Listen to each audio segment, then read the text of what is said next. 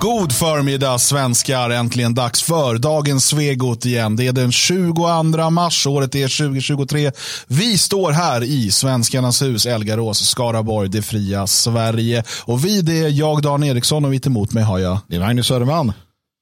Och Jalle Horn. Oj, oj, oj, han är med. Han är vaken. Han är här. Skulle du säga mer? Vi kom överens om det innan. Ja, så vågar du inte, kickade du ur nu? Ja, jag kickade ur. Jag vågar inte säga mer Nej, om det. Jag är fegis. Jag är en fegis, Jalle Horn och Dan Eriksson. Och Dan, jag tycker att du ska akta dig idag, för det är ju Ramadan. oj, oj, oj. Dan som börjar. Ja, jag har ju varit ute idag på både Twitter och Telegram och önskat alla muslimer i Sverige en glad Ramadan. Eh, också bett om då att om de ändå ska fortsätta med de här festligheterna de brukar göra varje år med bilbränder, upplopp och sånt så gör det gärna i de områden där det bor så få svenskar som möjligt. Precis. Vi vill ha lugn och ro inför påsken nämligen. Jag tycker, alaikum. Jag tycker gärna att kan eh, liksom ändra lite traditionen kring eh, Ramadan. Mm. Att de gör som den här vallfärden till Mecka. Så när de har Ramadan, då vallfärdar de till där nere någonstans och så firar de Ramadan där. Just ja, det. och sen behöver de inte komma tillbaka. Det är det att Saudiarabierna vill ju inte ha dem där. De är ju väldigt försiktiga med vem, vem som får och de skickar alltid ut alla. Aha, okay. så, så, blir det inte. Nej. Så de ska, de ska, de ska ändra traditionen kring den vallfärden ja, till Mecka? Ah, ja, ja, ja, så att man aldrig gör den. Mm. Tack och lov så är inte alla den som är den. Så att bor man i norra Sverige så kan man få undantag från de heliga reglerna såklart. Just det. Men det är ja. nästan som man skulle kunna tro att deras, eh, deras eh, sekt där inte är anpassad efter eh, arktiska förhållanden. Precis som någon sa, de får väl överge sin jävla månkalender. Eller? Ja, ja, det är väl ändå sett det. Men de måste ju älska det på vintern. Ja. Ja, sommar. ja. Vi ska ju snacka lite, lite ramadan faktiskt sen. Ja. Eh, och det är inte för att vi så gärna vill. Nej, det är för att vi måste. eh, vi ska ju nämligen eh, lite senare i programmet, eh, vi har, vi har, vi har liksom, vad ska man säga, svalt betet och tagit två Aftonbladet-artiklar att prata om. Mm. Eh, att vi aldrig lär oss. Nej, men det, det, det, finns intressanta saker i båda de här. Ja. Det ena är då eh, det som Jonna Sima skriver igår på ledarsidan. I tider av stress skulle alla må bra av Ramadan. Mm. Rickard Jomshof borde lyssna på muslimerna. Okej, okay, vi sväljer betet Jonna, vi ska läsa din artikel eh, och vi ska, läsa, vi ska se vad du har att säga. Men, då tänker man så här, på den där redaktionen finns det väl inga värre idioter? Jo, då. där finns också Peter Kadhammar. Han har då eh, idag skrivit en eh, kolumn, så här han skriver, rubriken är, och det är egentligen inte det mest intressanta, men vi kan bara, liksom, rubriken är, ofta tänker jag att Sverigedemokrater är ointelligentare än andra. Mm. Vill han ha klick eller vad? Vill han ha klick, eh, uppenbarligen. Eh, och det är inte det som är det intressantaste i den där kolumnen, att han tänker så. För att det är, alltså, det är klickbete. Liksom. Jag lärde mig någonstans, jag vet inte om det stämmer eller inte, men att man ska skriva, ofta tänker jag att Sverigedemokrater är mer ointelligenta än andra. Att man ja. inte ska skriva ointelligentare än andra. Jag tror båda är rätt.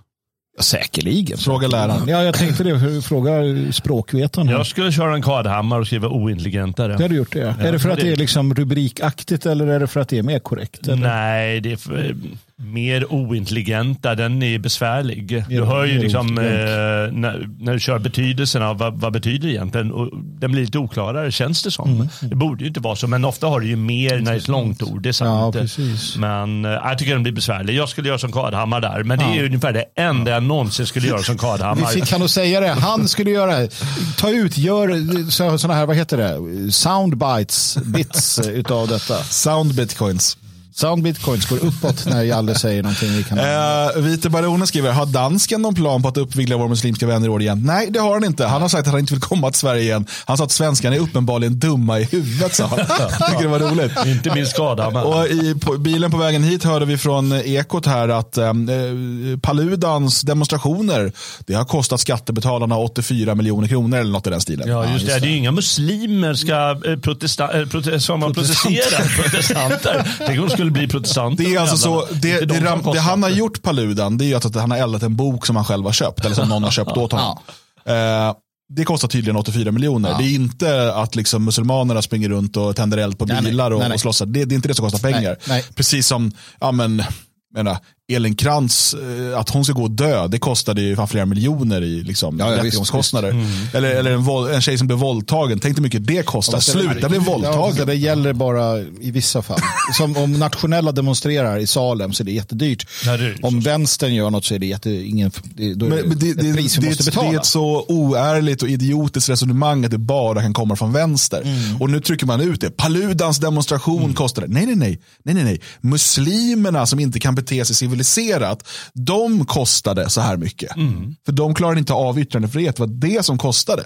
exakt. tänk, tänk utan muslimer. Och så, och så Paludan som Ja, bara, så står det jag och ska bränner en bok. någonting.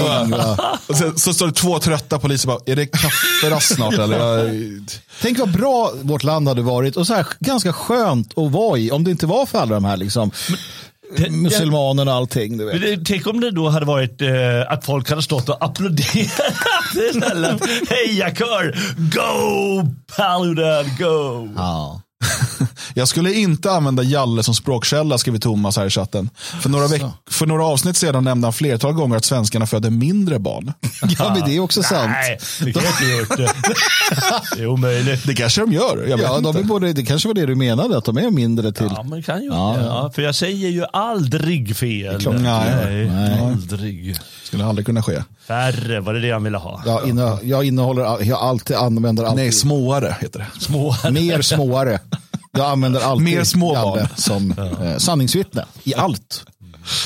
Hörrni, vi ska prata om den stora mejerikonspirationen idag och eh, därmed blev jag väldigt glad när jag såg att Thomas i vår chatt eh, berättade att han är mjölkproducent. Så att han kan förmodligen hjälpa oss, för, för vi Snälla. står ju lite som frågetecken. Ja, vi fattar ingenting. Ehm, och vi kommer prata om lite olika saker, men mycket är verkligen frågetecken, för det, det är underligt. Ehm, och jag gillar det där med våra lyssnare. Det var samma sak när vi pratade om, om det var räntan, det var någonting vi pratade om nyligen. Då fick jag ett mejl från lyssnare. Ja, hej, jag har lyssnat sen typ Radio Framåt. Jag jobbar på Riksbanken. Jag Bara, Jaha. Det är så här roligt för att vi, vi har verkligen lyssnare överallt. Mm. Mjölkproducenter, Riksbanken, Riksdagen. Och så kommer det mejl ibland. Ja, Okej, ja, ja. Mm. Jag minns när jag gjorde ett, ett inlägg om, om våldtäktsmän och då fick jag mejl. Ja. att, att skoja om något är inte samma som att, det förstår ni va? Okej. Ja. Var det det han sa? Det var bara på skoj. Det var på skoj. Det var bara på skoj. Okej. Eh, vi säger så. Eh, och så går vi vidare då. Pratar om mejerikonspirationen. Vad menar vi med det? Eh, här har ju faktiskt då Public Service skrivit, och det är intressant, för de har gjort tre artiklar eh, om eh, Skånemejerier. Men de svarar heller inte på frågan. Där, Det gör de inte. Utan de lämnar öppet för insinuationer. Och Den första då, som är liksom moderartikeln här, det är då Skåne, eh, Skåne Mejerier vädjar till sina bönder. Är inte, vänta, förlåt, den här rubriken, är det för många kolon i den? Ja, väldigt många kolon. Skånemejerier kolon vädjar till sina bönder kolon mjölka mindre tankestreck investera inte. Faktum det är också att att jag skulle kunna gjort den där rubriken. Va? som jag förstår det, efter ett kolon ska det alltid vara stor bokstav. Efter semikolon Ja men alltså det där kolonet bokstav. efter Skånemejerier är fel. Det ska ju vara Skånemejerier vädjar Ja, till sina bönder kolon. Aj, Skitsamma, Ja, de har ju bara klart. 9 miljarder i, i budget. Hur ska de kunna klara av det där? Eh, hur ska de kunna klara det där? Vi ska inte ha för höga krav nu på, på SVT. Uh, Okej. I ett brev signerat den 17 februari vädjar Skånemejerier sina 300 mjölkbönder att minska sin produktion och att skjuta upp investeringar. Skånemejerier vill inte ställa upp på en intervju med SVT Nyheter men presschefen Annette Gregov bekräftar situationen i ett mejl. Vi har bett om leverantörer som planerar att minska eller till och med upphöra med produktion att om möjligt tidigare lägga. Okej. Uppmaningen från Skånemejerier kommer trots kraftigt ökade priser på just mejeriprodukter det senaste året. Så sent som i förra veckan gick SCB ut med att matprisökningen 2022 är historisk och att just kostnaden för mejeriprodukter ökat med över 30 det här bidrar starkt till inflationen som alltmer verkar bita sig fast i Sverige. Trots det varnar alltså Skånemejerier sina bönder för framtiden. I brevet skriver företaget att efterfrågan på mjölkbaserade varor minskat och de ber sina bönder om att citat minska sin produktion så snart som möjligt slutcitat eftersom de har ett citat enormt mjölköverskott. Slutcitat. Bönderna uppmanas även att inte, inte investera i sina anläggningar i dagsläget. En utväg då mejerierna inte, blir, mejerierna inte blir av med sin mjölk är att vända sig till industrimarknaden och i större utsträckning sälja till exempel skummjölk och produkter som kan bli mjölkpulver, vilket man inte får samma ersättning för. Citat, med tanke på att priserna på mejeriprodukter gått ned avsevärt i Europa senaste tiden måste detta överskott säljas till ett mycket lågt pris, vilket skapar stora ekonomiska förluster för oss, skriver Skånemejeriers eh, inköpsdirektör Göran Nilén till bönderna. Okej, då har jag läst artikeln för er. Den här första. Skånemejerier uppmanar sina bönder att minska produktionen, inte investera. Allt går åt helvete. Ja, ja, ja. Eh, priserna i butik på mjölk eller mejeriprodukter har ökat med 30 procent senaste året. Ja, De har mer mjölk än de kan sälja. ja. Men också säger de också med tanke på att priserna på mejeriprodukter gått ned avsevärt i Europa senaste tiden. Eh, Förlåt, jag, jag, jag, jag, jag må vara dum, men jag har fått lära mig att en marknad fungerar så här, tillgång och efterfrågan. Om tillgången på en produkt är högre än efterfrågan, då sjunker priset för att man ska sälja av den tillgången. Om efterfrågan är högre än tillgången, då höjs priset såklart. Okej, det, det, det tycker jag är rimligt. För mig är det helt logiskt. Här är alltså tillgången, de har massa mjölk över. De säger att priserna har gått ner i Europa, men i butik är det 30% dyrare än för ett år sedan I Sverige. i Sverige. Ja. Och de uppmanar bönder att inte producera mer mjölk nu, för de kan inte bli av med den mjölk de har. Det finns fler artiklar, vi ska kolla på det sen, men bland annat en artikel som berättar då att svenskarna köper mindre mejeriprodukter nu för att det har blivit så dyrt. Normalt sett då, om du har marginaler, då sänker du priset på din produkt så att folk har råd att köpa den igen. Jag tänker att om de sänkte priset på all mjölk de inte blir av med och säljer så hade jag köpt mer mjölk. Om mjölken kostade hälften så mycket som den gör nu då hade man ju köpt mer mjölk och druckit upp den. Så jag tänker att de behöver inte, kära mjölkproducenter, ni behöver inte hälla ut eller sluta, utan om man bara sänker det så hade ju folk köpt det. Jag får för mig det. Ja, ja, ja. Nej, men absolut. Men, men, men vad är det som gör... För att en annan sak då, det är ju att eh, Skånemejerier bland annat, och jag tror även Arla, men Skånemejerier sänkte ju ersättningen till sina bönder vid årsskiftet. De får mindre per producerat kilo eller liter, eller hur de nu mäter det där, per enhet, än vad de fick tidigare. Ja.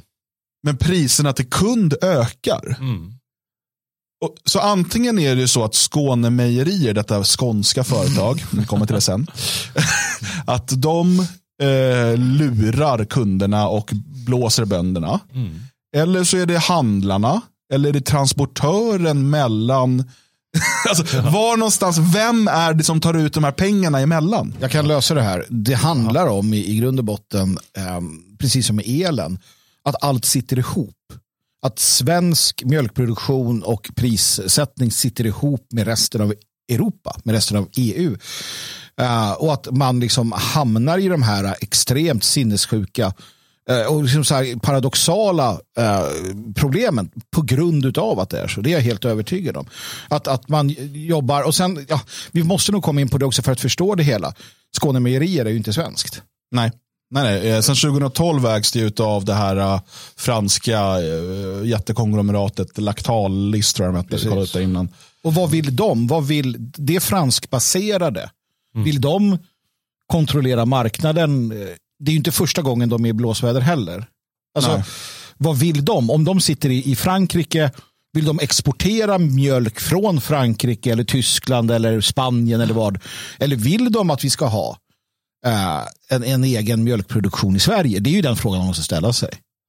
Ja, det är jättesvårt att säga. Det är svårt att säga hur, hur stor eh, vad ska jag säga, kontroll över situationen har eh, den här skånska Skånemejerier, vilket antagligen är ganska stort, men de kan ju fått direktiv som du säger. De säger ju, de, de säger ju onekligen i alla fall att eh, skicka inte in mjölk till oss eh, för vi vill inte ha minskade, vi vill inte ha priser eh, som är lägre. Nej. Det säger de ju uttryckligen. Och de säger åt mejerier eller mjölkproducenter som har sagt att vi funderar på att avveckla, skynda på med det. Det har de också Det säger de ju. Ja, skynda på att Skynda avveckla produktionen. avveckla produktion, avveckla, avveckla, investera inte. Jag tror att de vet att Är det, på så väg att försvinna. ehm, om, man, om man ser det, eh, då, om vi då tänker då på att Lactalis här då, eh, det är ett, ett multinationellt jättekonglomerat eh, som då har mjölkproduktion i ganska många länder. Mm. Kan det vara så att mjölkproduktionen i Sverige är förhållandevis dyr om du jämför med mjölkproduktionen kanske i Polen eller i, i, and, i andra länder helt enkelt. Kanske inom EU till och med, men, men andra länder. Och att det kanske vore önskvärt att eh, för, för det här multinationella företaget som, som är liksom, känner inga nationsgränser Mm. och så vidare. Eller någon lojalitet till skåningar eller svenskar. Nej, eller så, såklart. Att de kanske hellre ser att produktionen minskar i, i Sverige. Så att den kan istället kan läggas på billigare produktionsländer. Det kan ju vara det, men jag menar, man- de måste ju ändå ta hänsyn till eh, vad heter det, konsumenterna. De har ju också en vilja. Ja, men har de det?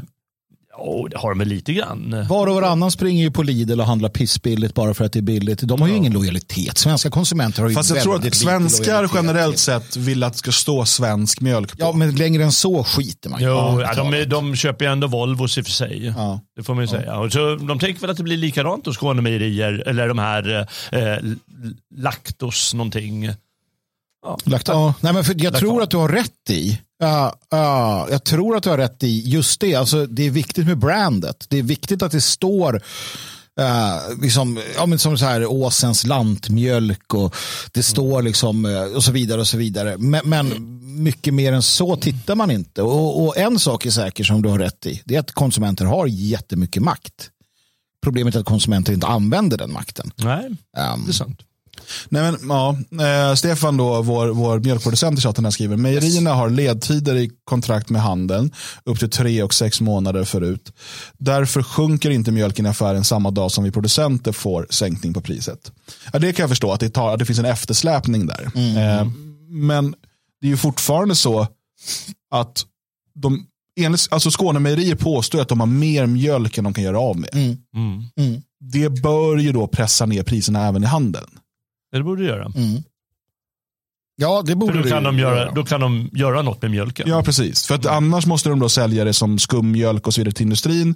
Eller mjölkpulver där, där ersättningen är ännu sämre. då. Ja, men är det handelsvägen, är det liksom leverantörerna och eh, handeln som det är fel på då? Ja, en Eller bra är det fråga. som du Det säger är att allting bra. sitter ihop och att eh, eh, på något sätt så, så är det en okontrollerbar process det som, det som händer. Ska vi, kolla, ska vi kolla vad den här mjölkbonden här då, Anna, Anne-Marie Lindén säger. Det finns ett klipp här med henne på SVT. Hon säger så här.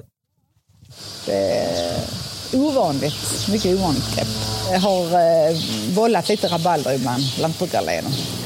I brevet från Skånemejeriers inköpsdirektör vädjar han till bönderna om att mjölka mindre. Och sen nu så sätter eh, Larsson känner av här var spenarna sitter någonstans. Nu ska vi se, här är den. Om möjligt min- minska produktionen av konventionell mjölk. Vissa av er har kanske redan planer på att minska er produktion. Dessa går kanske att tidigare lägga. Några andra av er har kanske planer på att öka produktionen, vilket givet rådande marknadsläge kanske kan skjutas fram i tiden. Skånemejerier skriver att de har ett enormt mjölköverskott som de tvingas sälja till ett mycket lågt pris på industrimarknaden i Europa och att det skapar stora ekonomiska förluster. Det går ju inte att vrida på en kran. Man kan inte säga att Nej, men då, då skickar vi 50 till slakt. Det går ju inte.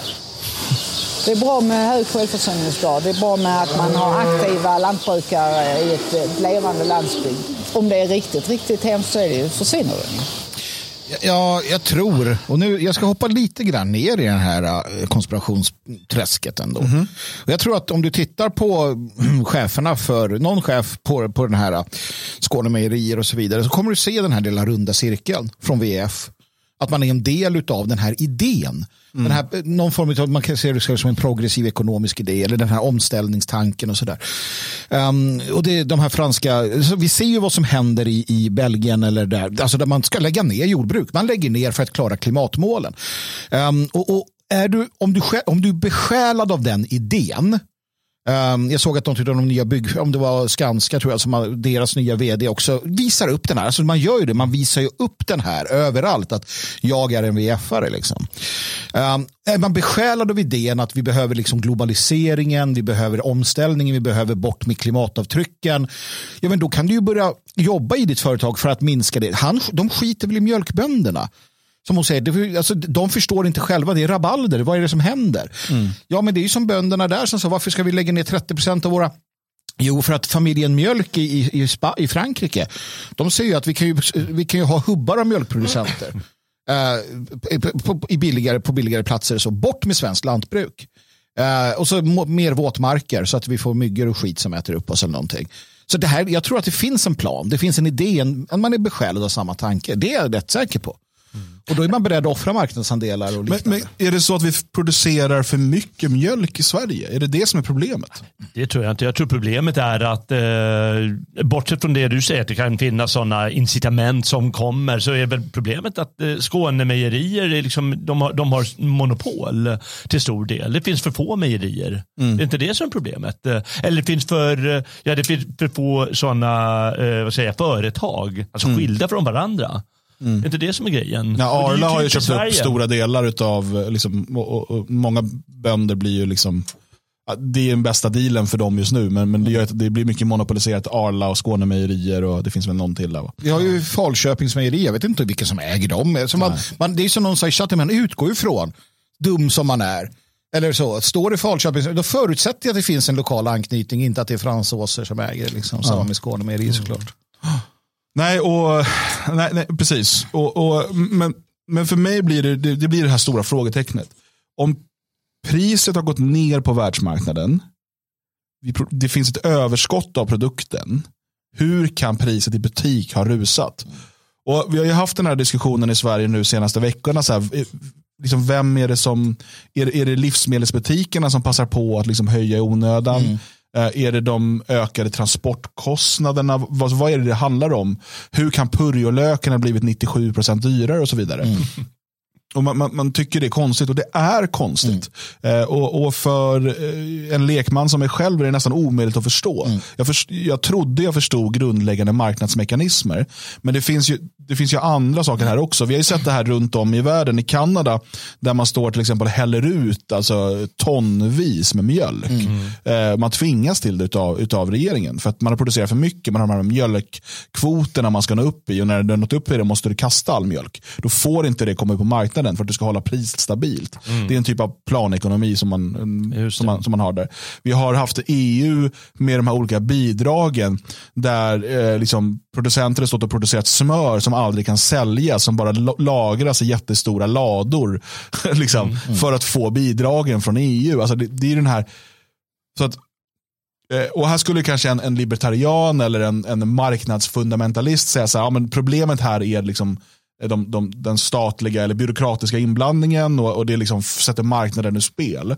Men här har du ju ett annat, och, och det, det, det, finns en sanning i det, men du har en annan sida av myntet också och det är ju de här monopolistiska liksom, globala konglomeraten mm. som styr så stor del av matproduktionen.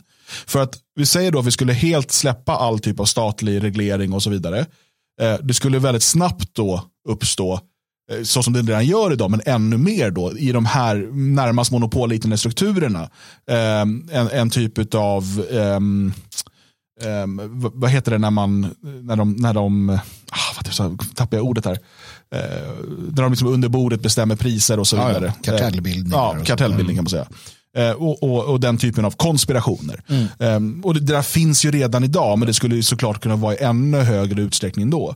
Uh, och Tittar man idag, liksom matproduktionen och du kollar um, massor av olika varumärken som du ser i affären. Ofta sitter de alla under Nestlé eller, eller uh, ja, de här, de, det finns några stycken av de här stora ja, ja. jätte, jätteföretagen. Um, ibland kan du till och med liksom stå och kolla på en, en, hylla med produkter, samma produkter, liknande produkter från fem olika producenter. I slutändan är det samma ägare. Det är, det är ju lite som liksom, tidningsmarknaden i Sverige. Liksom. Mm. Mm. det är väldigt ofta, det är bara, aha, det var Bonnier det här också. Um, och det där är ju ett, ett jätteproblem. Um, och som, som jag, jag tror att alla de här sakerna spelar in här. Och sen uh, det finns ett stort problem när utländskt ägande kommer in i den här typen av verksamheter. Alltså matförsörjning, eh, energiförsörjning, naturresurser. Mm. För det, det, det, finns gott om svenskar som är egoister och skiter i andra svenskar. Men risken att en kines har noll lojalitet och, och, och liksom bryr sig om Sverige och svenskarna är betydligt högre än att en svensk gör det så att säga. Eh, och det, det som hon säger, hon eh, bonden här säger att ja, men, man ser inte värdet i att ha liksom en levande eh, liksom landsbygd eller levande eh, mejeri, eh, självförsörjning. Och det tror jag, var, var, det ligger väl inte i Lactalis Nej, liksom, det spelar inte de någon roll. Eh, I, i deras vilja. Nej, och det är där du har det. Du har ju en, så här, en, en, det är en perfekt storm av då miljö, Eh, miljötrams faktiskt som det, som det är. Eh, där man också ska uppnå volymer och det återfukta våtmarker och allt vad det nu heter. Alltså, man, man ser det som ett problem. Det, det har ju lanserats en idé, jag pratade om det för några dagar sedan. De lanserade idén om att ett problem i Sverige för miljön det var ju det faktum att man, att man dikade ur en gång i tiden. Nu måste vi dika tillbaka. Uh, och, och, du har den idén och du har ju då Lactalis och andra, de vill tjäna pengar. Det är vad de vill göra. De vill tjäna pengar. De skiter i hur och var och när. Uh, och sen har du då sådana idealister, då, om vi ska använda det ordet lite för positivt, men som, som de är inte idealister, ursäkta, sådana som VF-människorna som som har en idé, de är visionärer, även om visionen är ganska hemsk, så har de en idé, en, en utopi som de ska förverkliga. Och det här har gjorts förut, Sovjetunionen var ett, ett, ett exempel och vad hände? Jo, massvält. Och när svälten kommer så måste man hitta någon som är ansvarig. Ja, då är det kulakerna, det är de fria, skjut dem. För om vi skjuter de fria så kan staten kontrollera tillverkningen och produktion och, och, och, hur mycket man får äta. Du får äta exakt så många gram och du får köra exakt. Det är ditåt vi är på väg på, på liksom västvärldslig skala eller världslig skala. Jag vet inte vart det tar slut den här gången. Sydamerika brukar klara sig.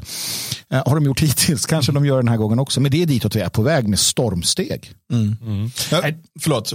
Ja, I alla fall, det, det är så jättesvårt att, så att säga, få en överblick över vad, vad det är som händer. Mm. Eh, men det är onekligen, det, det, det, det är viktigare än någonsin eh, sådana här frågor. För det är ändå det mest grundläggande att vi behöver mat. Eh, och priserna kan ju inte stiga hur mycket som helst. Eh. Och hon om försöker den här Svantesson, jag kallar till mig Ica, Axfood och, och, och Coop för, för diskussion om det där. Men den stora grejen är att jag tror media måste ut, skriva dagligen om det här i sina tidningar. För det kan ju inte fortgå på det här sättet. Vare sig det har att göra med handlare då som ökar priser eller att det är, är kedjan som är okontrollerbar eller om det är eh, eh, mejerierna i det här fallet som håller på och, och leker eh, struntar i, i svenska konsumenter. Jag tror inte att de gör det. Jag tror att alla de här företagen som ändå är ägda av Nestlé eller eh, det här Lactalis eh, jag tror att de i Sverige de bryr sig om den svenska marknaden och försöker få den så smidig som möjligt. Eh, och sen så kommer vi via steg, olika steg försöker de kanske ändra på, på hur marknaden fungerar och så. Eh, men, men i det stora hela är det oftast de bryr sig om svenska konsumenter tror jag, eller hur det fungerar här. Mm. Men någonting måste göras för det här går ju inte. Men du nämnde något intressant när vi pratade innan om eh, det här med producerade i EU. Det, det har man ju sett ibland nu mm. på produkter att eh, frukt från EU och icke-EU den här eh, sylten till mm, exempel. Mm, mm. Eh, och icke-EU-länder. Men och att man, jag tror att man speciellt från mm, typ Lactalis och liknande håll gärna skulle se att eh, det blev standard, till exempel mjölk producerad i EU. Mm. Det var det enda sättet man skulle benämna det på. Mm. Eh, för jag, jag, tror att i Sverige, säkert i många andra länder också, men i Sverige kan jag, väldigt många svenskar vill att det ska stå mm. mjölk från Sverige. Um, för att på något sätt så känns det bättre eller rätt. Eller man, undermedvetet mm. så förstår man att det, att det är viktigt. Eh, och skulle det stå liksom mjölk från EU så, så, skulle inte det stå lika bra. Mm. Men det där är ju en tillvänjningsprocess också. Ja. Eh, sen tycker jag det är viktigt att säga en sak till. Och, och det är det här som pågår faktiskt nere i, i Belgien och eh, Nederländerna och säkert flera andra länder, bara att man inte märker så mycket. Och det är att det faktiskt tar det på allvar. Eh, man behöver inte göra världs lite, kanske lite konspirationssnack över det, men om det är något som men det här känns inte bra, då måste man faktiskt ta det på allvar mm. och blåsa upp och stödja de här eh, grupperingarna eh, väldigt mycket och bönderna i stort. Eh, för eh, det är ännu en sak, vi vill ju inte att det ska stå eh, ja, honung då från EU-länder och icke-EU-länder och att eh, för EU kommer definitivt ändra de här lagarna så att det kan stå på det sättet. Ja, men, från något land kanske står nästa steg för eh, de vill att det ska säljas på det sättet. Eh, så ta det på allvar. Det finns ju ett problem här också um, och det är ju att det, det kommer komma en lösning såklart. Um, och lösningen kommer vara att staten tar sig mer rättigheter. Staten säger nu sätter vi pristak här eller staten reglerar det här. Och svenskarna då kommer säga bra staten, nu vill vi att staten reglerar. Det har ju redan varit, det har ju redan varit upprop mer eller mindre om pristak. Att staten ska gå in och säga att nej, nu får det inte kosta mer och så vidare. Uh, och Eh, då blir det ju som i många andra fall. Det blir lag och, säg att det är oordning i samhället.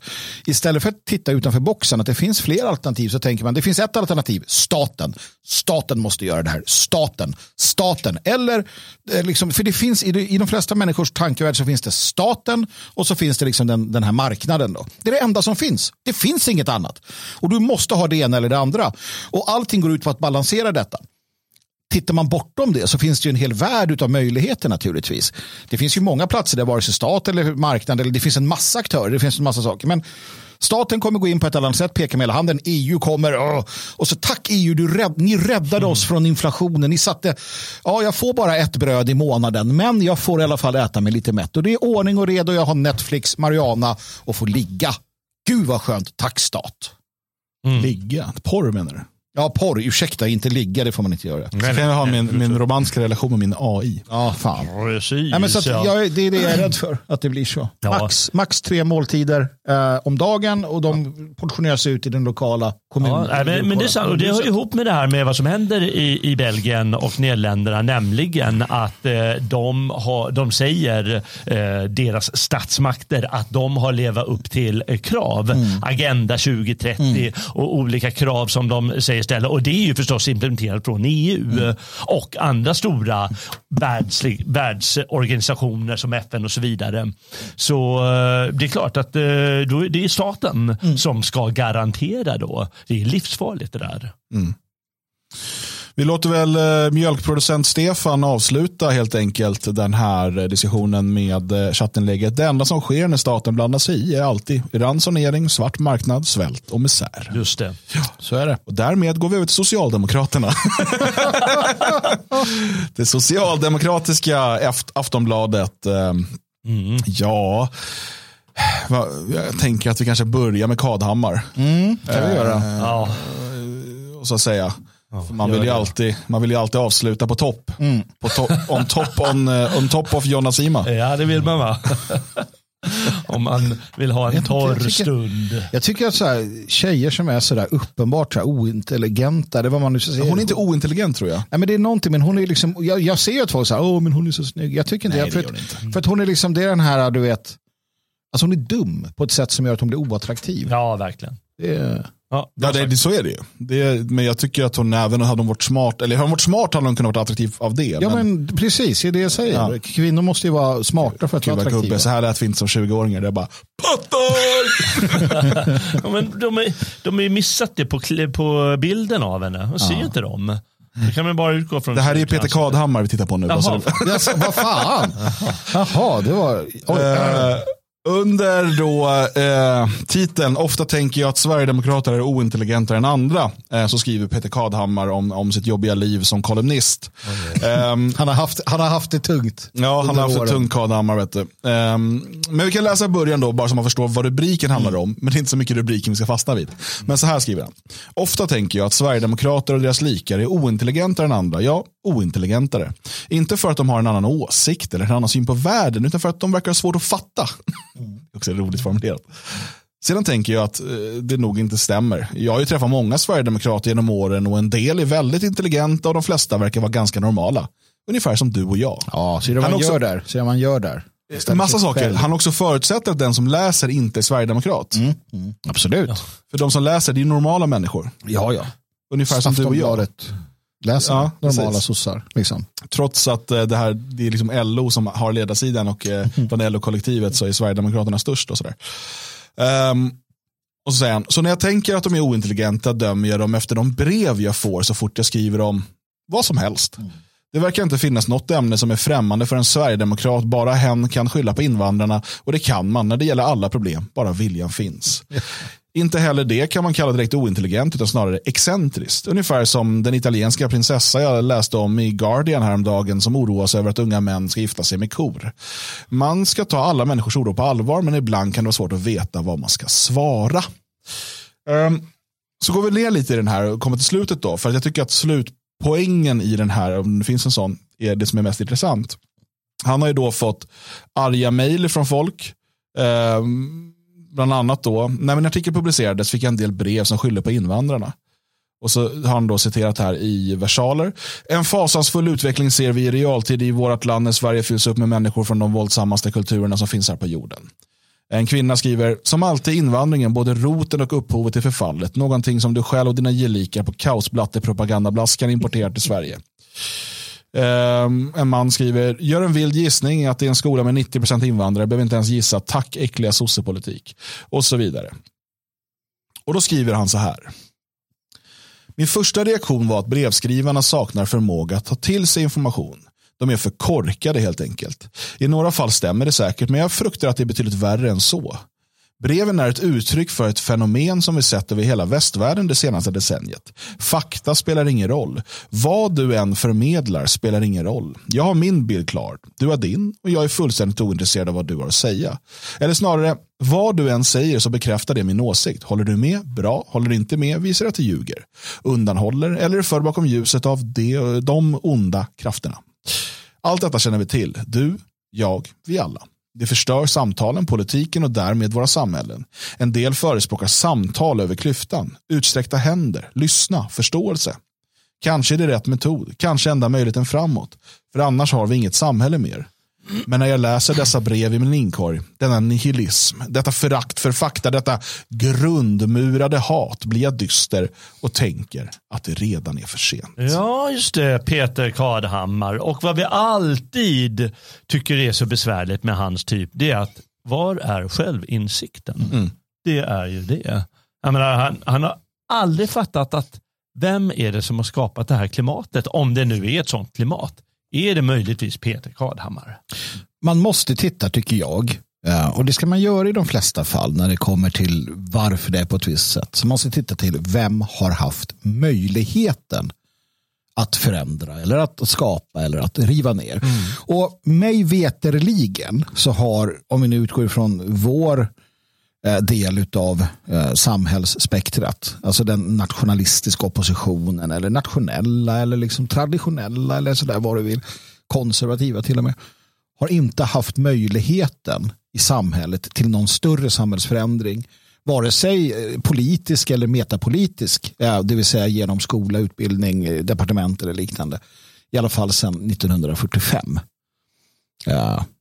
Och då blir det ju, också medialt naturligtvis, det, det är ju, det är ju, och då, då, hamnar vi ju där att det är ju faktiskt de själva som har skapat allt jävla ont vi, vi står inför. Mm. Och då ska man kanske inte förvånas om somliga som har lidit illa också känner lite hat mot dem. Jag tycker det är jättebra att de här personerna skriver in det här till honom. De, de tycker att det är på det viset. Och, ja, men, till 95 procent har de ju rätt. Sen så är det klart att de har fel ibland. För att de som antingen struntar de i saker och ting eller så ja, jag missuppfattar eller hur det var. Jag tror bara för givet. Oftast har de ju för givet av erfarenhet vet de ju hur det mm. saker och ting ligger till. Och de vet ju att Peter Kadhammar han har ju varit med och skapat en, ett lögn-Sverige i, i hur många år idioten hållit på? Mm.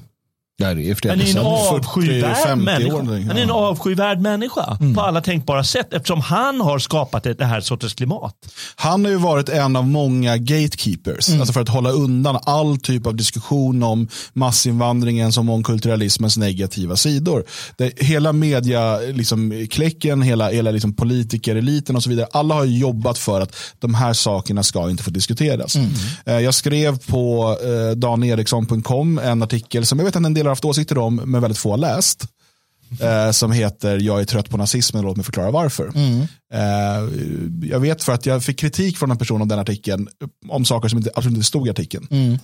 för att har man läst den så vet man att man ska inte bara gå på rubriker. Nej, det är det. det, är det. eh, utan man måste läsa. Men där pratade jag lite om eh, vad som hände eh, när jag själv gick i skolan och när man började uttrycka eh, liksom invandringskritik och hur man blev kallad rasist, nazist eh, och hur man, eh, liksom, du vet, man, det där skulle inte pratas om. Eh, och det var till och med liksom våldsamt från, från lärare ibland och sådär. Eh, utslängda från lektioner eh, och, och liksom från samhällskunskapen för att man uttryckte då Sverigevänliga eller invandringskritiska. Och det var väldigt så här, mild kritik mot vad man, vad som sen, vad man sen själv tog vägen. Eh, för att man på många sätt pushades i den riktningen. Eh, men, men, så såg det ju ut under 90-talet. Under 00-talet, alltså när Sverigedemokraterna kom in i riksdagen kunde vi skönja en liten mm. förändring. 2015 kom en ännu större förändring med den så kallade flyktingkrisen. Men Peter Kadhammar och hans kollegor har ju då under lång tid sett till att alla som har velat säga, men vänta, är det en bra idé att ta in så här många på så kort tid mm. från så pass främmande länder? Är det bra att uh, sluta med assimilationspolitiken och satsa på mångkultur? Alla de här frågorna har bara slagits ner med rasist, nazist, hatare. Um, Göran Persson går ut 99 i, i Aftonbladet och säger vi ska krossa dem, invandringskritikerna, Sverigedemokraterna. Uh, och, och uh, flera människor som som skriver för Aftonbladet har varit aktiva i att hylla mord på svenska nationalister som Daniel Wretström. Mattias Våg skriver på Aftonbladet, kultur. Mm. Alltså AFAs grundare som, som har stått och liksom hurrat och hejat över att svenska nationalister mördas. Mm och han får arga mejl. Mm. Och de fattar inte. Och nu är det nog för sent för att kunna ha ett samtal. Så att, för då är det invandringskritikernas fel. Mm. För att de är arga och uppretade. Ja, vi hade ju velat sträcka ut en hand. Och vi hade ju velat liksom, ha en diskussion. Fan heller. Så fan heller. Det är det som är grejen. För han tycker ju inte annorlunda Kadhammar än tidigare. Och Nej. han gör inte annorlunda. Han skriver inte annorlunda. Han, vad, vad, vad, han hy, vad han har det är brist på självinsikt, mm. givetvis. Och det är där det grundmurade hatet ligger. Det är där förakten för, föraktet för fakta ligger. Det ligger hos honom ja, ja. och hans polare där på Aftonbladet. Det är så självklart. och det är så, okay, De kanske inser det och skiter i det. Det gör ju inte saken bättre. Mm. Men det är så sorgligt att läsa denna nihilistiska svada av Peter Kadhammar. Alltså, att han står ut att vara människa, jag fattar inte. Men det måste ju vara, alltså det är ju, jag, bara säga, jag vill bara säga det, jag var tvungen att kolla upp för jag hade ett svagt minne av Kadhammar. Han slår alltså igenom, hans karriär börjar ju då alltså som medarbetare på tidningen Gnistan, känner ni till den? Nej, men det låter. Sveriges kommunistiska partis eh, tidning. Mm. Det är alltså Peter Kadhammar. Man måste bara ha koll på liksom. Ja, ja, ja. men man måste, jag tror att det är också en sak att förstå. Uh, det är att den typen av idéer som då man då hade på Gnistan, det är inte så att Peter Kadhammar har rehabiliterats från dem. Det gäller Aschberg och dem också. Alltså, de är kommunister. Alltså de är i grunden marxister. De är, vissa av dem var säkert sådana som arbetade för främmande makt en gång i tiden. Och det är människor som fortsätter att vara det. Yeah. Uh, nu på Aftonbladet och så vidare. Uh, jag tycker att allt för ofta så, så är vi för snälla mot de här i det mm. att så här, men de, har, ja, men de blev äldre och började tjäna pengar och nu är de lite så här sossiga och sådär. Nej, de är och förblir kommunister. Mm. I grund och botten i själ och hjärta och i många fall revolutionärer. Och en kännetecknande sak för kommunismen det är våldet. Våldet som maktmedel och våldets mm. väg. Jag tror att Peter Kadhammar i grund och botten är för en, en blodig röd revolution. Ja, där liksom bourgeoisien ska liksom avrättas och nationalister, framförallt nationalister, och fria människor måste bort. Han har en förståelse för det, även om den kanske inte slår igenom. Han, han, är ju, han vill ju vara lite salongsfähig också. Men jag tror att vi ska förstå dem på det sättet. Ja, men Det är bra, men jag, jag, eh, jag vill gå ett steg eh, bakåt eh, och se, jag, jag, tror inte att han och hans typ, eh, eller kanske säga hans typ i allmänhet, inte är det för att av politiska skäl, utan jag tror det att de är människohatare. Jag är övertygad mm. om att de är människohatare och det är därför de är kommunister. Mm. Det är för att de, de vill se människor slaktas. Det är det bästa de vet.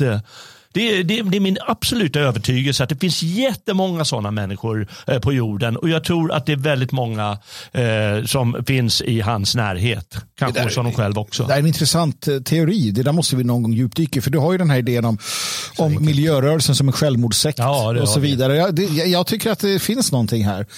Uh, en, en, jag tror att det är en, en förklaringsmodell som man helst inte vill ja. tänka på, men jag tror vi måste göra det. Och det lyser ju såklart igenom redan i rubriken till det här att han, han, han föraktar ju människor. Mm. Det är det han gör. Mm. Han, och han älskar ju att förakta för han har ju byggt hela sin skribentkarriär på det här föraktet. Mm. Han älskar att förakta människor. Mm. Ja, det är så vedervärdigt och det är bara att se vad, vad är psykologins första princip? Jo, det är den här överföringen, eller vad mm. kallas det för? Mm. Projiceringen. Det, det, är det de gör hela tiden. Ja. Och han är typexemplet på det. Han är så, det är så, det är verkligen äckligt. Jag mår nästan dåligt av att vi tar upp sådana här artiklar. Förlåt. Dödskultist. Han är en dödskultist, Peter Kadhammar. Ja. ja, det är en obehaglig tanke. Obehagligt. Ja, eh, verkligen obehagligt. Nej, men, och, och, det var värt att ta upp den här just för att visa på det här hyckleriet. Och Det som händer just nu det är ju att eh, Kadhammar et al. ser ju att eh, det vindarna vänder.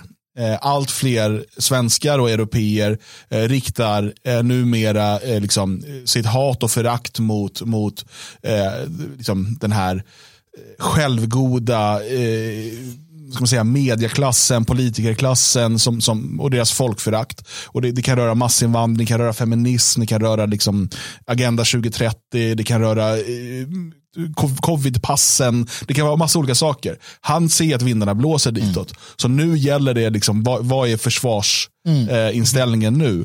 Ja, nej, men de här återigen tillbaka till det gamla, de är bara simpla hatare. Vi hade velat ha en diskussion. Vi har försökt. Vi har försökt, men det går inte för ni är så fulla med hat. Mm. Uh, det här är då samma människor som vi i årtionden har vägrat. Man har varit tydliga med att man ska inte debattera invandringen. Alltså, det ska aldrig diskuteras från det hållet. När eh, om det var Sveriges Television eller Sveriges Radio ställde frågan i ett debattprogram hur mycket invandring tål Sverige så gick de här människorna, alltså de slog ju bakut. Ali Esbati satt närmast och grät i morgonsoffan över vi arbetar länge på att ha problemformuleringsprivilegiet. Mm, ja. och, och så här, för att om man ställer frågor på det här sättet då kommer debatten bli fel. Ja. Mm. Och det är så de har kontrollerat den offentliga debatten i, alltså sen andra världskriget. Kom ihåg Billström och volymerna när Reinfeldt ja. höll på att gå i taket. Han fick ju se sin karriär nästan avslutad. Han har kommit tillbaka nu, men det hjälper ju inte heller. Men det är som du säger, de har haft problemformuleringsprivilegiet och de vet om att de har tappat det till stor del. Mm. och nu vet de inte riktigt hur de ska återhämta sig. Nej. Nej, då, det, enda, det enda de kan göra det är att komma med sånt här drabbel. Ja, men då, då, då, alltså när, en sån, när, en sån, när en dödskult, en kultist, en, mm. en sekt, när de tappar privilegiet att formulera mm. problemen. Då blir de som yra höns också. Mm. För då, då, då, då, tappar de den här centrifugalkraften som har hållit dem samman. Så nu ser vi en, en vi ser en, liksom, en, en, en, en, en, en, vad heter det, liksom en plätora utav, utav förklaringar till varför det är på det ena eller andra sättet. Man tar upp i chatten här, Mustafa Panshir och sådana här nya grindvakter. De är ju en del av det här. Men, men som inte riktigt, aha, nu när den här fasta, fasta mitten har, inte funkar längre, då, då, ja, då kommer de med sin egen. och det som han gör och många andra, Panshir där, Eh, och, många där runt omkring, eh, det är att de, de försöker ju på ett sätt kidnappa eh, invandrings och globaliseringskritik och, och liksom omstöpa den i den här eh, rotlösa, liksom individualistiska andan mm. som, som såklart krävs. Det, det är ju en självförsvarsmekanism från dem också. Eh, för många av de här är ju själva då invandrare eller barn till invandrare. Eh, och, så, så, att det där är väldigt intressant att följa som rörelse. Eh, och Jag tycker till exempel att den här podcasten som han är med i, Sista måltiden, kan ha intressanta diskussioner och, och så vidare. Men man måste ju förstå vad det är för någonting och att det är det är inte samma sak som, som det vi pratar om. Utan, eh, och Det där kommer vi se allt mer och mer, hur man försöker liksom omforma um, en, en, liksom en, en nationell inte rörelse, men, men liksom en svärd där människor liksom återigen börjar förstå behovet av eh, folkgemenskap, etnisk identitet, eh, blod och jord och så vidare. Och eh, istället då omforma det till att nej, men det handlar bara om att vi som liksom, individer inte ska påtvingas mm. någonting. Um, så att, uh, håll, håll, ögonen, håll ögonen öppna så att mm. säga. Um, så låt oss fortsätta. Låt oss fortsätta på Aftonbladet. Ja, Aftonbladet. Yeah. Vi har ju även då eran eh, favorit då, Jonna Sima. Jonna Sima har vi pratat om många gånger tyvärr. Eh, och hon fortsätter ju leverera kan man säga. dag ut och dag in. Hon är content creator for Radio Svegot. Men jag, alltså, jag måste bara fundera.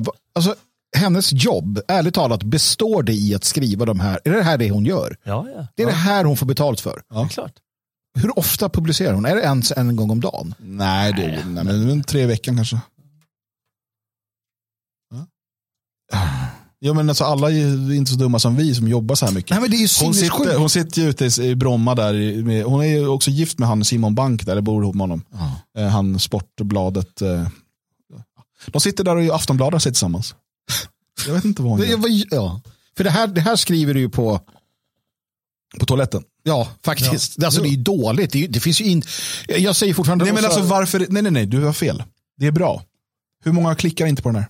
Det är sant. Det är Vad sant. är Aftonbladets affärsidé? Ja, ja, visst. Oh, Klicka så de får reklamintäkter. Ja, klick, klick, klick, klick, klick. Är det tillräckligt många som klickar så gömmer de det bakom plus. Men hur mår hon? Hon mår, ja, hon skiter väl i det. Ja, det gör hon, hon också. Nej, jag, jag, det är så svårt bara, jag har svårt att, ja, ja. okej, låt oss se vad hon säger då. I tider av stress skulle alla må bra av Ramadan. Richard Jomshof borde lyssna på muslimerna, så skriver hon. Eh, och vi sväljer, oh, där tog vi betet. Ja, det är taget. Nu kör vi grabbar. nu måste jag, innan vi kör igång här, innan vi ja. kör igång.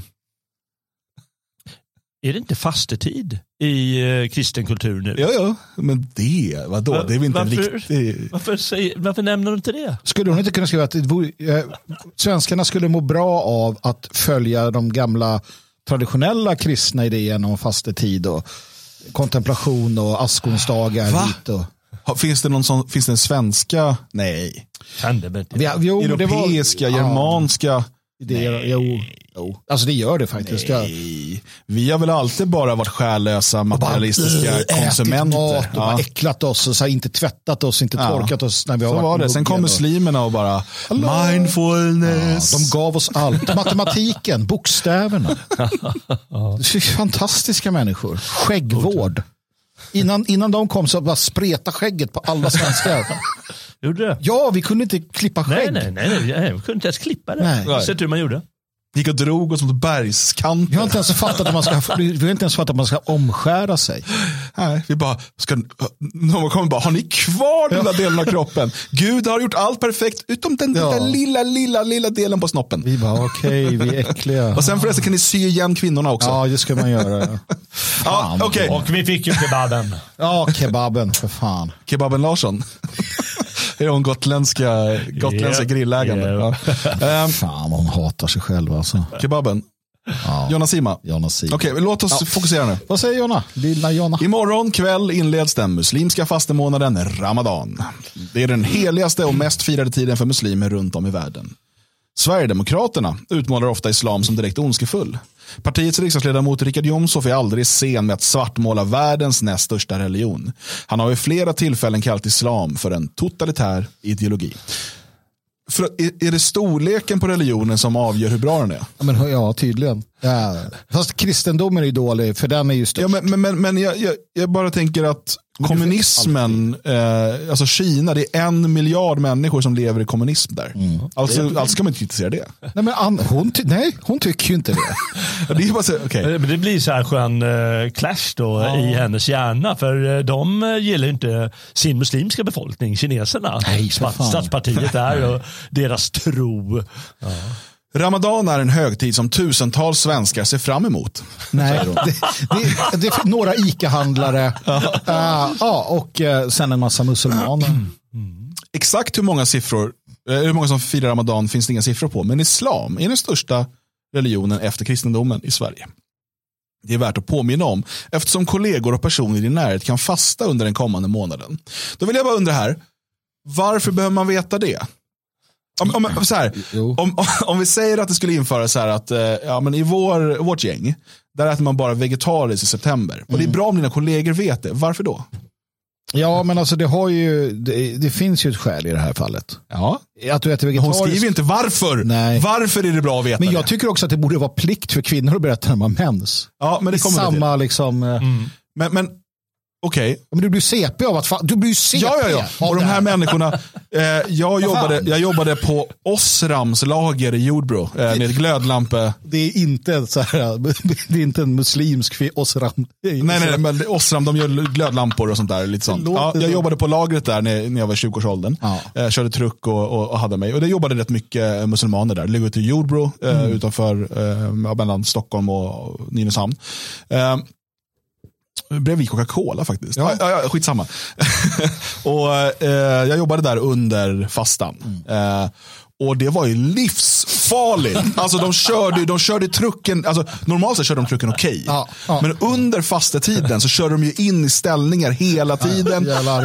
och det var två stycken, de satt ner i ett hörn och bara och fick typ inte, hade ingen energi kvar. Och alltså inte energi kvar till att köra truck och bära glödlampor. Nej. Jag tror det tyngsta vi hade var 10 kilo. Det mesta var ju liksom, ja men du vet, halvt kilo, kanske något, någon kartong. Mm. De orkade inte, de sa att de var helt slut. Och, liksom så här, och man skulle bara acceptera det. Liksom.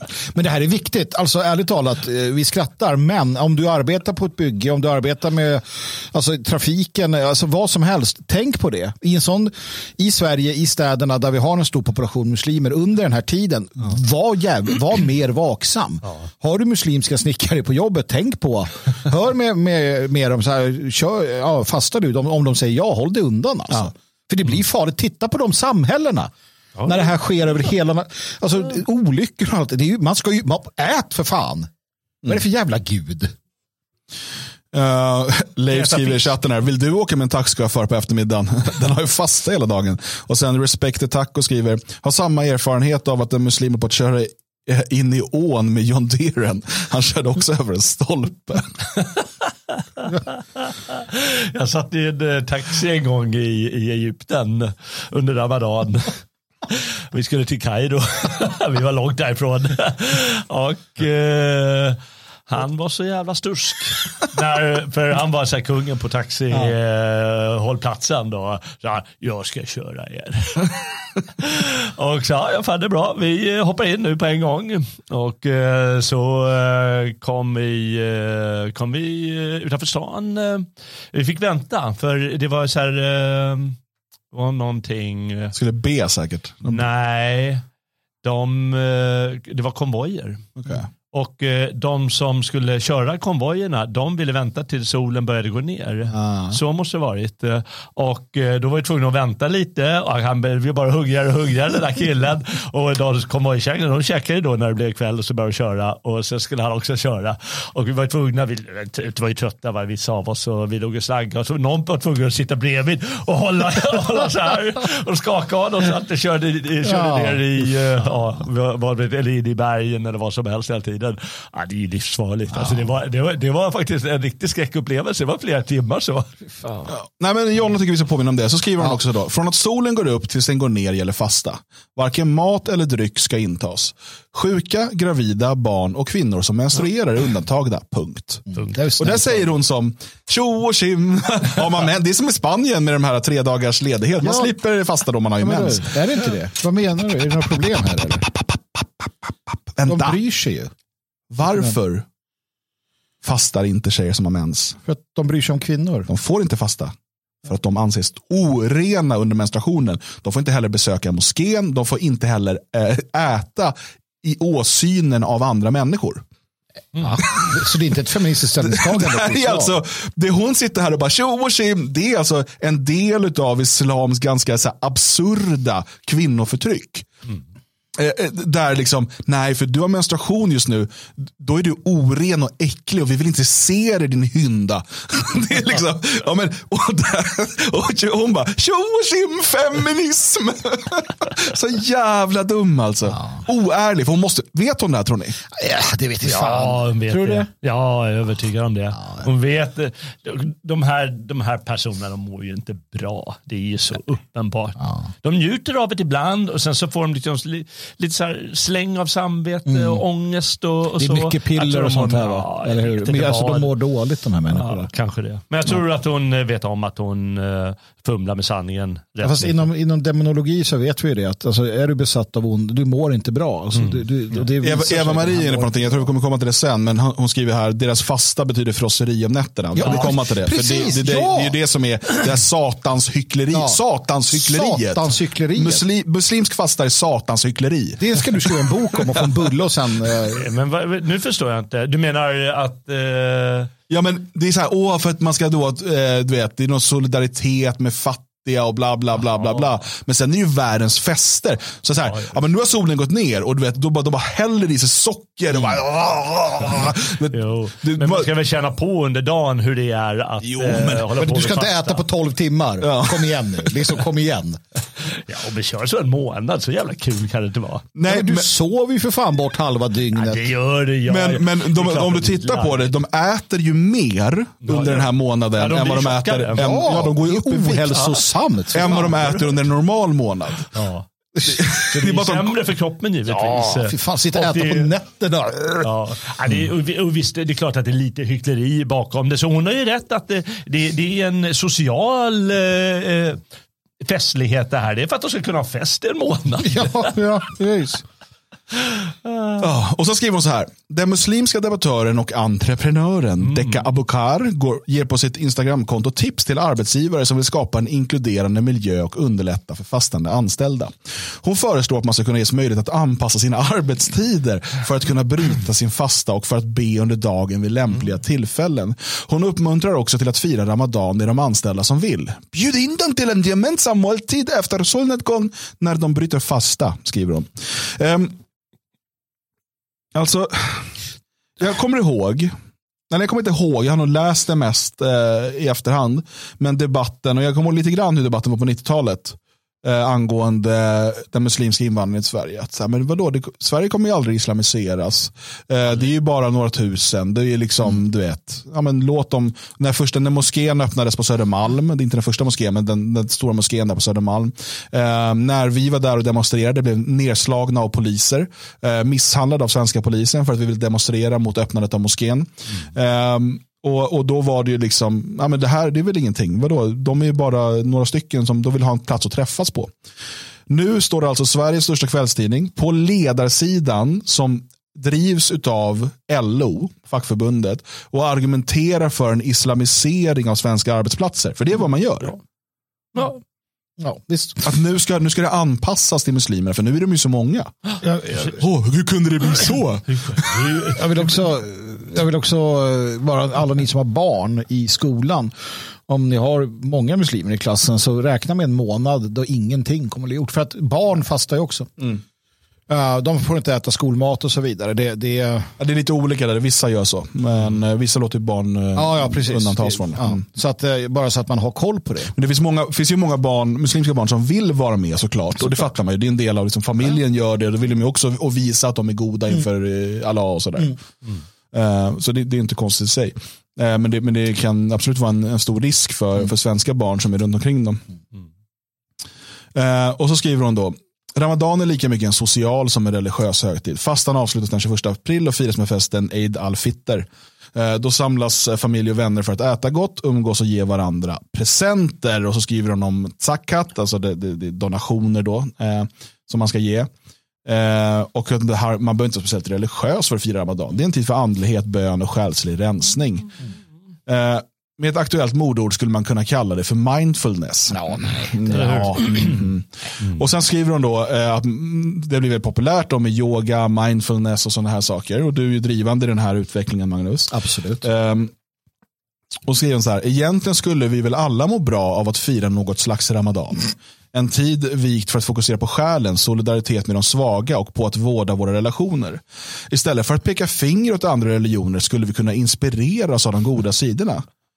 Men säger man det får man väl en ilsken Richard Jomshof efter sig. Ja, hoppas man får. Återigen, de här sakerna hon beskriver Finns inte det inom kristendomen? Jo, det gör det. Ja, ja. Såklart. Alltså allt det här finns. Nej, Man behöver inte gå över medelhavet efter vatten. Nej, nej, nej. Alltså bön, meditation, alltså allt det där finns. Du har liksom det... fastan, fast en, en, mer, alltså den är mer eh, normal. I det här fallet, då tror jag att hon bara är så urblåst, eh, fröken Sima, eller fru Sima tydligen. Nej, för hon tänker inte tanken, aha, Alltså det finns kristendom också. Ja, så hatar Nej. hon kristendomen. Ja det gör hon säkert. Eh, men det har hon nog inte tänkt på när hon skrivit det här. Mm. Utan hon bara tänkte, ja men vi, vi ska bli muselmaner. Mm. Mm.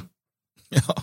Jo men det är ju många som gör det. Alltså många, och det, det beror på, på, på flera olika orsaker. Men det är ju många som jag menar, det kan man ju se inom våra led också som så här avfärdar kristendomen som det värsta mm. som har hänt eh, sen, sen någonsin eh, utan att veta egentligen vad det är man avfärdar. Man har, ingen, man har inte tittat på det närmare utan man har minnen från liksom någon tråkig jävla konfirmationspräst som var värdelös och sådär men du har ingen mm. aning om innehållet. Vad är en, alltså en, from, eh, krist, en, en from protestantisk svensk kristenhet? Ja. Vad är det för någonting? Det vet ju ingen utan det är så här, det är bara skit, vi måste offra annat.